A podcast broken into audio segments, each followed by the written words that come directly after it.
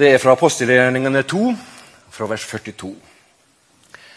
De holdt seg trufast til læra fra apostlene, til fellesskapet, brødsbrytinga og bøndene. Hver og en ble gripen av ærefrykt, og mange var de under og tegn apostlene gjorde. Alle som var kommet til tru, holdt sammen og hadde alt i lag.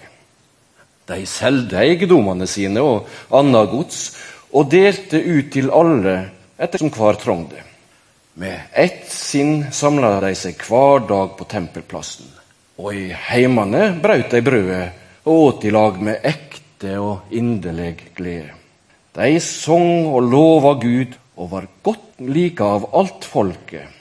Og hver dag la Herren til nye som let seg frelsa tekst nummer to. Den er fra Paulus sitt brev til menigheten i Filippi, kapittel 2, vers 1-5. Om det nå er trøyst i Kristus, glød i kjærleiken, fellesskap i anden, om det fins medkjensle og miskunn, så gjør mi glede fullkommen. Ha same sinnelaget og same kjærleiken Vær ett i sjel og sinn. Gjør ikke noe av sjølvhevding eller lyst til tom ære, men vær audmjuke og set de andre høyere enn deg sjølve. Tenk ikke bare på deres eget beste, men òg på det som er godt for de andre. Lat det samme sinnelaget være ei dykk, som òg var i Kristus Jesus. Slik lyder Herrens ord. Han bodde i et deilig hus på landet i Vennesla. Han var så glad i moren sin og de andre familiemedlemmene. Og de var glad i han. Han elsket flokken sin. Men livet fortsetter ikke alltid slik en tror og forventer. Omstendigheter gjør at vi må flytte på oss. Det måtte også William Wallas, til daglig kalt Migo. Han kom til Sandnes sist søndag og flyttet inn i Olabakken 17 hos oss. Det er mange omveltninger i livet til Migo nå om dagen. Men folk er forskjellige, og det er dyr også. Migo er tilpasningsdyktig fordi han ble møtt med kjærlighet, omsorg, mat og varme. Bestemte han seg fort for at han hadde funnet den nye flokken sin. Den var ikke perfekt, den flokken. Han syns f.eks. vi tilbringer for lite tid sammen. Og det minner han oss om stadig vekk. Men når først en sånn liten hundevalp bestemmer seg for å bli en del av et nytt fellesskap, når han har funnet seg en flokk, da går han all in. Fullstendig betingelsesløs kjærlighet. Nesten fra dag én. Jeg har visst det i teorien, men, men det må nesten oppleves for å skjønne det, folkens. Det er mye som skiller hunder og mennesker. De er litt mindre kompliserte enn oss, men kanskje har de et og annet å lære oss om det å bry oss om flokken. Om å tørre å be både om kjærlighet og gi kjærlighet. Vi er kommet til ringfingeren i vår serie om disippelrytmer i høst. Denne søndagen om to uker er temaet fellesskapet med andre. Og jeg kommer til å ha et særlig fokus på den ene typen flokk i menigheten nemlig fellesskap i grupper. Det vi har valgt å kalle for cellegrupper. For Vi sier jo i vår menighet at vi ikke har grupper, men den består av grupper. Og Det er en viktig nyanseforskjell, sånn som vi har tenkt at denne menigheten skal være. At I kombinasjon med det å ha en tjeneste så tror vi det å være en del av en gruppe det er ganske avgjørende hvis vi ikke bare skal overleve som disipler av Jesus, men også vokse og utvikle oss som disipler på veien. Menighetsrådet i Bymenigheten har satt oss to ambisiøse målsettinger om at innen utgangen av 2018 har 90% av de som regner oss som sin menighet, en cellegruppe, altså et småfellesskap som de er en del av. 90% av alle som regner bymenigheten som cellegruppe. Det betyr at vi, vi vet at det er, en, det er, noen som er i en overgangsfase eller som av ulike årsaker med god grunn kjenner at det er ikke der jeg skal være akkurat nå. en peri liten periode fremover. Så det vil alltid være noen sånn, kanskje rundt 10 som ikke er med i en gruppe. Men normaltilstanden, altså 90% er med. Og Så får vi se hvordan det går. Og Det gjelder både barn, unge og voksne. i vår tankegang. Og Innen utgangen av 2018 så har vi satt oss en annen målsetting, og det er at 90% av de som regner oss som sin menighet, de kan si at de har en tjeneste i menigheten vår. Enten inn imot menigheten eller på vegne av menigheten vår utover. I seg selv så er ikke det å måle sånt i prosenter viktig og avgjørende. Det er bare et virkemiddel som vi har valgt oss for å arbeide mot den store målsettinga, som er at det å være i bymenigheten Sandnes skal være å være og bli og vokse som disippel av Jesus. Hjelpe hverandre der vi er, i en livslang prosess, enten vi er helt nye på veien eller har vært med lenge. At det er en, en syklus i det å være i menigheten vår der gruppene og tjenesten er helt avgjørende virkemidler ved siden av gudstjenesten, som på en måte er kanskje mer som en, en selvfølge i et menighetsfellesskap. Vi tror på viktigheten av å være i et småfellesskap, det vi kaller cellegruppe, og da tror vi på viktigheten også å ha en tjeneste i fellesskapet. Og I dag så er den særlig den første av de to målsettingene som det handler om denne måneden. Så blir det mer fokus på den andre målsettingen i eh, november. Å være del av en flokk det handler selvfølgelig om mer enn å være med i en cellegruppe eller for den del å være med i en menighet. Og Det var jo en som snakket om sju flokker. Om han valgte tallet sju fordi det er hellig, det vet jeg ikke, men sju er jo et godt tall. Det var han som heter Per Fugelli. Han døde for to og en halv uke siden med sine nærmeste rundt seg ute på Borestranda på Jæren. Det var mange meninger om samfunnsmedisineren Per Fugelli. Han refset til høyre og til venstre, og noen mente at han tok litt for stor plass i det offentlige rommet. Og det er lov å være uenig om hva han sa. Men i all sin enkelhet så satte han ord på viktige ting, og bl.a. satte han ord på det han kalte for flokkene våre. Han laget et fyndord. Vær ikke et ett-tall på jorden. Bry deg om flokken din. Og Dette forstår jo da hundevalpen Migo helt intuitivt. Og Det gjør ofte også menneskebarna. De tar ofte stort ansvar for at alle i den første og viktigste flokken vår, familien, skal ha det bra. Hvis jeg har forstått Per Fugelli rett, så var han veldig opptatt av samtidig at enkeltindividet har en frihet og en verdighet. Skal ha frihet og verdighet. Uten dette så kan flokken bli kvelende og farlig. Han advarte samtidig mot vårt samfunns tendens til å rendyrke individualismen på bekostning av fellesskapet. Og Av og til så tror jeg denne kulturen som, som trekker mot individualisme, den fanger oss også både som familier og som menighet. Hyggelig, han skrev mennesket er ikke et fremmedlegeme på jorden. Mennesket blir fellesskapt. Du blir den du er gjennom en million formgivende møter med andre skapninger. Vi er som elefantene. Douglas Hamilton studerte elefanter i Afrika i 40 år. Hans forskningsspørsmål var hvilke drifter bestemmer elefantens atferd. Det første behovet er vann. Det tredje basale instinktet som driver elefantens handlinger, er mat. Men, påviste Hamilton, det finnes en lengsel inni elefanten som er så sterk at den trenger seg inn mellom disse to biologiske vann og mat, nemlig behovet for å føle seg trygg i flokk. Mennesket har syv flokker, fortsatte Fugelli, og disse sju flokkene kan både være gode og dårlige. Familien er den første flokken. Den kan både bygge å rive selvbilder. Arbeidsflokken er den andre, enten det dreier seg om barnehagen eller skolen for de unge, eller det dreier seg om arbeidsplassen for den voksne. Barnehagen og skolen han, kan være gull eller bly. Arbeidsflokken kan gi eller stjele verdighet. Og Så er det nærmiljøflokken, der vi bor. Den kan både skape og true livskvalitet. Og så er det flokken Norge, landet vårt. Den flokken kan være både raus og nådeløs. Og så er det menneskeheten på jorden som er den store flokken vår.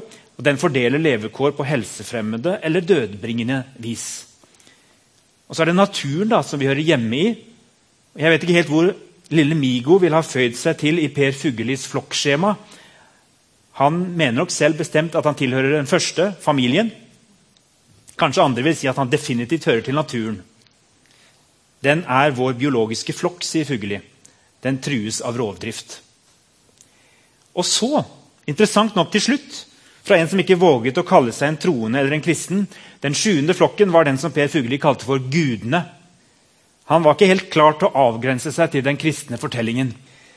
Men som samfunnsmedisiner hadde han skjønt at religionen er viktig i menneskers liv. Han skrev for mennesket har et under som heter sjel. Det rommet hvor vi lengter etter Gud og leter etter mening. Det rommet hvor det utsigelige ved mennesket bor. Sjelene våre står i kommunikasjon. Kommunisere betyr å gjøre felles. I kommunikasjon med en åndeverden, en allsjel, kall det gjerne Gud. Så langt våget Per Fugelli å formulere troen. Og så var han jo samfunnsmedisiner og ikke prest. Jeg velger likevel å ta hans ord om flokkene til inntekt for det budskapet jeg har i boka mi om nødvendigheten av fellesskapet for den som kaller seg kristen. For hvis det fins et sånt åndelig rom i tilværelsen, en usynlig flokk mellom himmel og jord, da er det heller ikke et rom vi er ment å skulle utforske og erfare bare på egen hånd, som ett tall på jorden. Da trenger vi hverandre. Vi har ingen privatregion for enkeltindivider. Selv om vi snakket om lillefingeren i forrige måned og betydningen av å ha alenetid med Gud. Over tid så trenger vi også de andre. Vær ikke et ett-tall på jorden, bry deg om flokken din.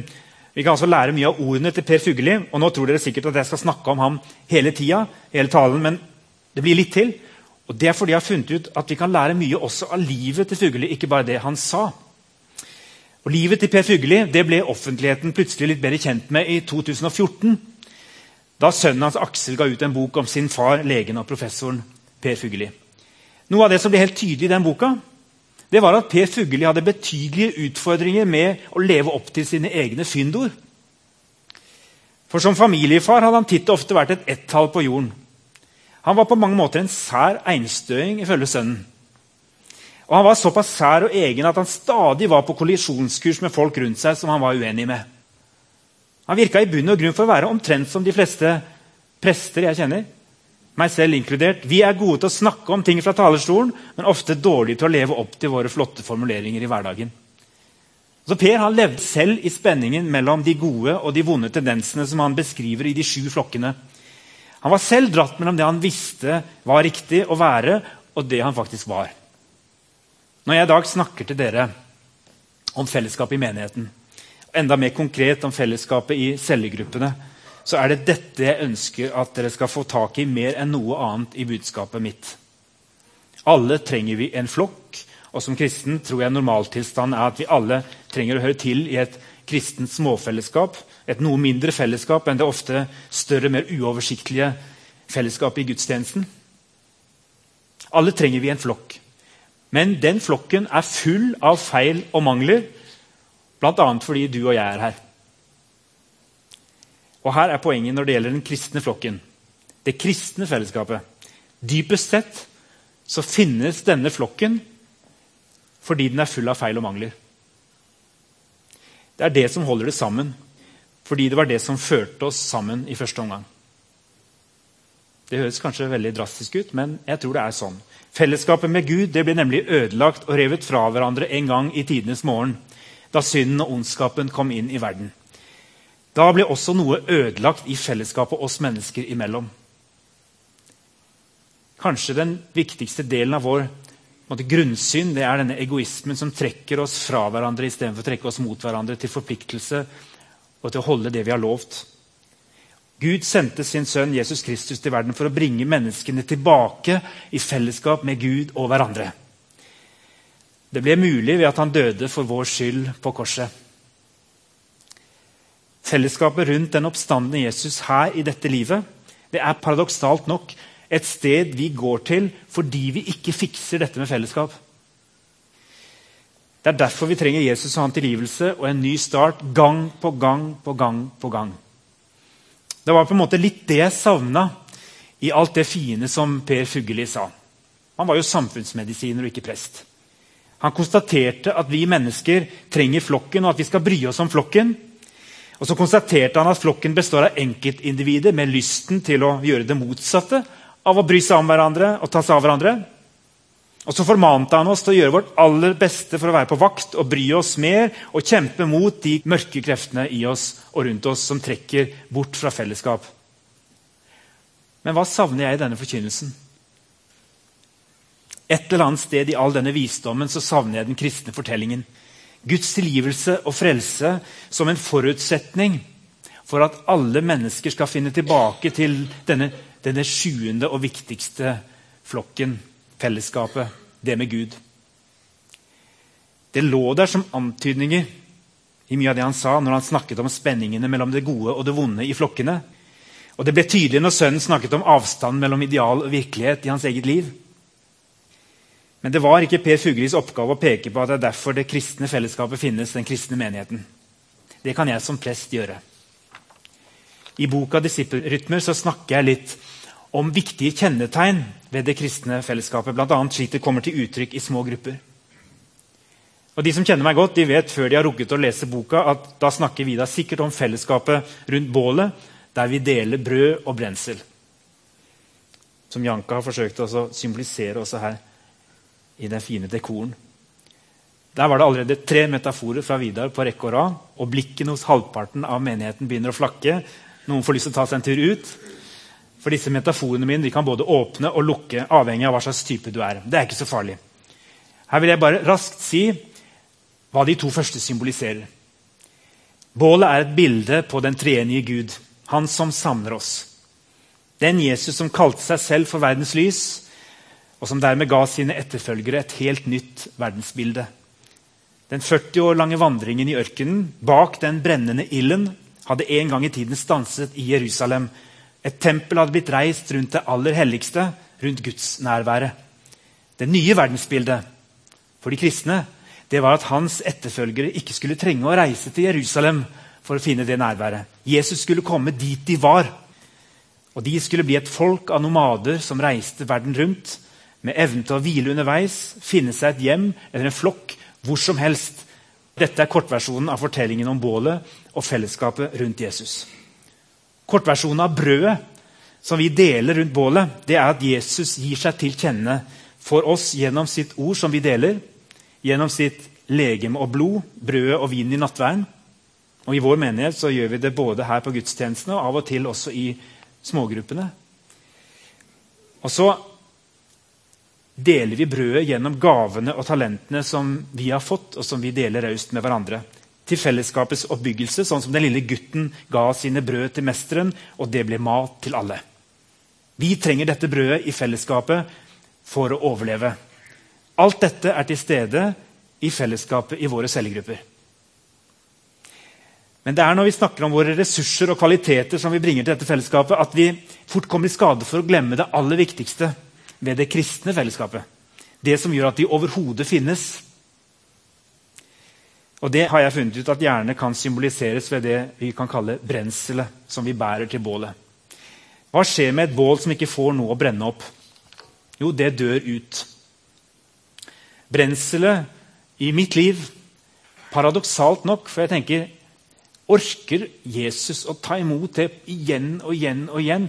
Og ikke minst, kanskje orker Jesus det, men orker de som sitter rundt, å forholde seg til både mine fortellinger om min egen svikt og nederlag, også mine fortellinger om hvordan andre har sviktet meg, og hvordan jeg er skuffa over andre i en eller annen flokk jeg hører til. Orker de virkelig å høre det? Jesus han må på en måte ta imot vår svakhet og vår synd som en del av det som konstituerer dette kristne fellesskapet. Jeg sier ikke at eh, Jesus dør hvis ikke vi kommer med vår synd til ham. Men jeg sier at det kristne fellesskapet dør. Jeg skriver i boka sånn Til den lavmælte samtalen rundt bålet tar vi med oss brensel. Brensel er de fortellingene våre som vi ikke orker å bære på alene, og som vi kaster på bålet. Johannes kaller det å vandre i lyset slik han selv er i lyset. Lyset har kraft i seg til å gjenopprette fellesskap og rense oss for all urett. Jesus døde for våre synder på korset. Mer enn noe annet er et kristen fellesskap en gruppe mennesker som trenger Guds tilgivelse i Jesus Kristus. Sårbarhet er derfor et av våre kjennetegn. Det hender mennesker glemmer dette. De fremhever bare brødet i form av fellesskapets styrke, ressursene, gavene, de gode historiene. Når mennesker slutter å komme med brensel til bålet, da kan det fortsatt leve en stund, men et sant kristen fellesskap er det ikke lenger. Noen ganger er mennesker blitt stygt brent, fra tidligere møter med usunne fellesskap. Og Da kan bålet i seg selv og de som sitter rundt det, oppleves som truende. Slike mennesker møter vi med varsomhet.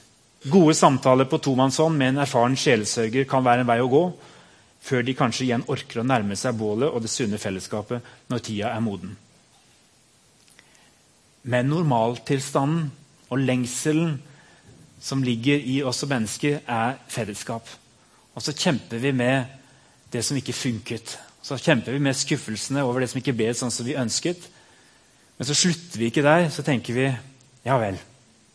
Ta den tanken inn at eh, noen sier at dette fellesskapet det lever av at jeg kommer til det med mine synder. Hvis ikke var det noe annet. Selvfølgelig har vi gaver, selvfølgelig har vi ressurser. Selvfølgelig er vi på vei mot et hellig liv og vi er på vei mot himmelen. og Det er store ting som kan skje allerede nå. Det kan være helbredelser, det kan være mirakler. Store under kan skje i kjølvannet av våre fellesskap. Men det som konstituerer oss, er det Jesus gjorde på korset, og som vi må ta imot igjen og igjen og igjen, som vi lever av.